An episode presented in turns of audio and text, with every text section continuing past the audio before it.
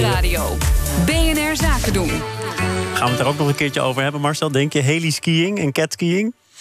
Nou, niet als professionele sport, maar uh, misschien buiten de uitzending om uh, wat betreft leuke dingen zeker geïnteresseerd. Marcel Beerthuis is hier iedere woensdag van sponsoring adviesbureau Big Plans. We praten dan over de ontwikkeling op het terrein van sport en economie. En vandaag over misschien wel het grootste sport-entertainment-event van Noord-Amerika, namelijk de Super Bowl. Ja, van Noord-Amerika. Ooit was dat uh, het grootste sportevenement ter wereld, maar inmiddels zijn ze ingehaald door de Champions League. In ieder geval als je kijkt naar het aantal kijkers.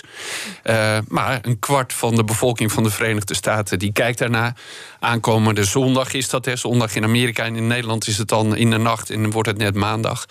Dus de, de New England Patriots en de Los Angeles Rams. Dat is de wedstrijd waar heel Amerika naar zit te kijken. Ja, het is goed dat je die teams nog even noemt. Want als ik zo de publiciteit een beetje volg, dan denk ik: oh ja, er wordt ook nog gesport. het gaat over veel meer dan dat. Oh, het is zo groot. Uh, het is in Atlanta dit jaar, in het uh, Mercedes-Benz Stadium. Zo'n stad die betaalt 65 miljoen om dat naar binnen te krijgen. Hè. Een enorme competitie. Voor de komende jaren hebben ze die steden al aangewezen. En om terug te verdienen, gebeuren er ook allerlei activiteiten. Dus het is al een week lang is er een parade van allerlei soorten activiteiten. Een muziekfestival elke dag. Uh, er is een heel groot park opgezet waar je op allerlei manieren belevingen kunt ervaren die met American voetbal uh, te maken hebben. Dus uh, ja, het is één groot commercieel circus. En dat wordt alleen maar meer. Is het ook zeg maar meer van hetzelfde of is er de afgelopen jaren ook echt iets veranderd? Nou, er is één ding veranderd. Het is vooral meer van hetzelfde hoor. En, en, en daar gaat het uiteindelijk om de sport met heel veel commercials daaromheen. het is wel zo dat in veel staten is het nu toegestaan in Amerika om legaal te gokken op wedstrijden. Uh, dus dat doen ze nu ook. Uh, 95% van de mensen speelt nog steeds uh, illegaal. Gaat 6 miljard in om. Dat is eigenlijk een verandering. Dus we proberen dat wel ook te veranderen. is op zich grote verandering in Amerika. Ja, de, de, commercial break in de halftime, dat is altijd een spannend moment. Ja. Uh, wat verwacht je? Welke bedrijven gaan daar uh, met commercials komen? Of, uh, wat gaat er gebeuren? Oh, heel veel automerken. Ja. En natuurlijk de Budweisers van deze wereld, de M&M's. ja, er is al heel veel verteld over die commercials. Wat, wat er ook is, is de halftime show hè, van, van Pepsi. Dit keer met Maroon 5. Ja, en, gaat en, nog wel door, hè? Travis Scott. Ja, maar daar was heel veel gedoe over.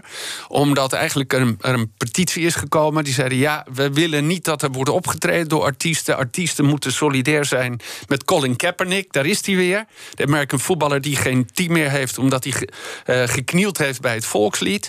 Uh, maar goed, Maroon 5 gaat toch optreden. Big Boy is een, uh, is een rapper uit, uit Atlanta. En Travis Scott, die komen ook die komt ook daar uit de buurt. En die gaan wel optreden. Maar daar is dus heel veel commotie over geweest. Er zijn volgens mij in Nederlandse bioscopen ook... Uh, kan je live gaan kijken naar de Super Bowl. Ja. ja. wat is de aantrekkingskracht van dit soort evenementen? En gaat dit ook naar Nederland overwaaien? Die, die...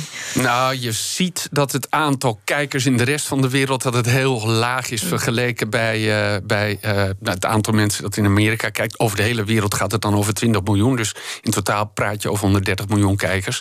En dan heb je echt de diehard fans. Of de mensen die je naar een Ierse pub gaan waar toch een scherm aan staat en daar dan maar langer blijven. Maar dat is een beetje wat er in Nederland gebeurt. Dus er is wel een selecte groep van liefhebbers en die gaan zeker kijken. En die, die bouwen daar ook een hele party omheen.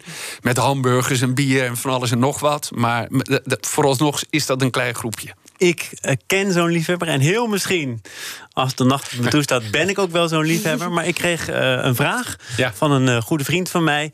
Die zei: Ik, ik stoor me aan die on onderbrekingen. Dat spel dat ligt toch voortdurend stil. En dat wordt dan gebruikt voor commercials. Nou, je hebt net zelf al aangegeven hoe belangrijk dat is. Terwijl er geen reclame staat op de shirts. Er is geen boarding. Nee.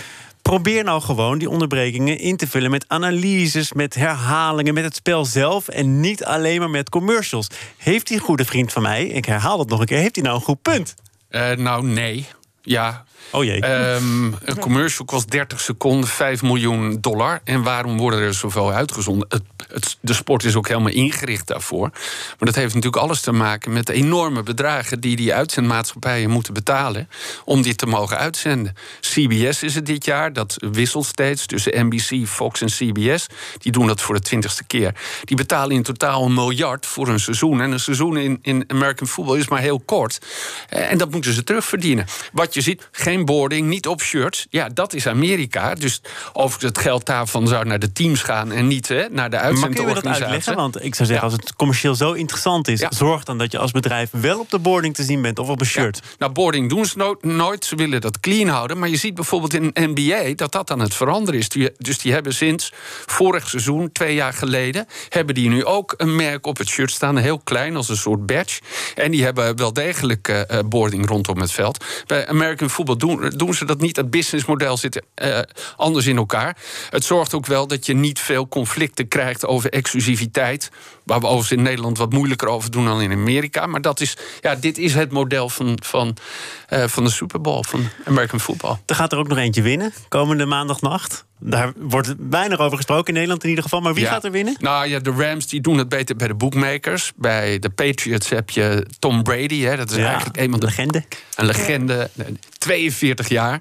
Ik hoop wel dat hij wint. Marcel Beerthuizen van Sponsoring Adviesbureau Big Plans. Veel plezier maandagnacht. we gaan kijken, dankjewel.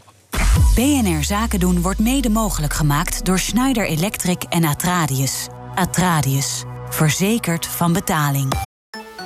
Meer zien? Ga naar bnr.nl.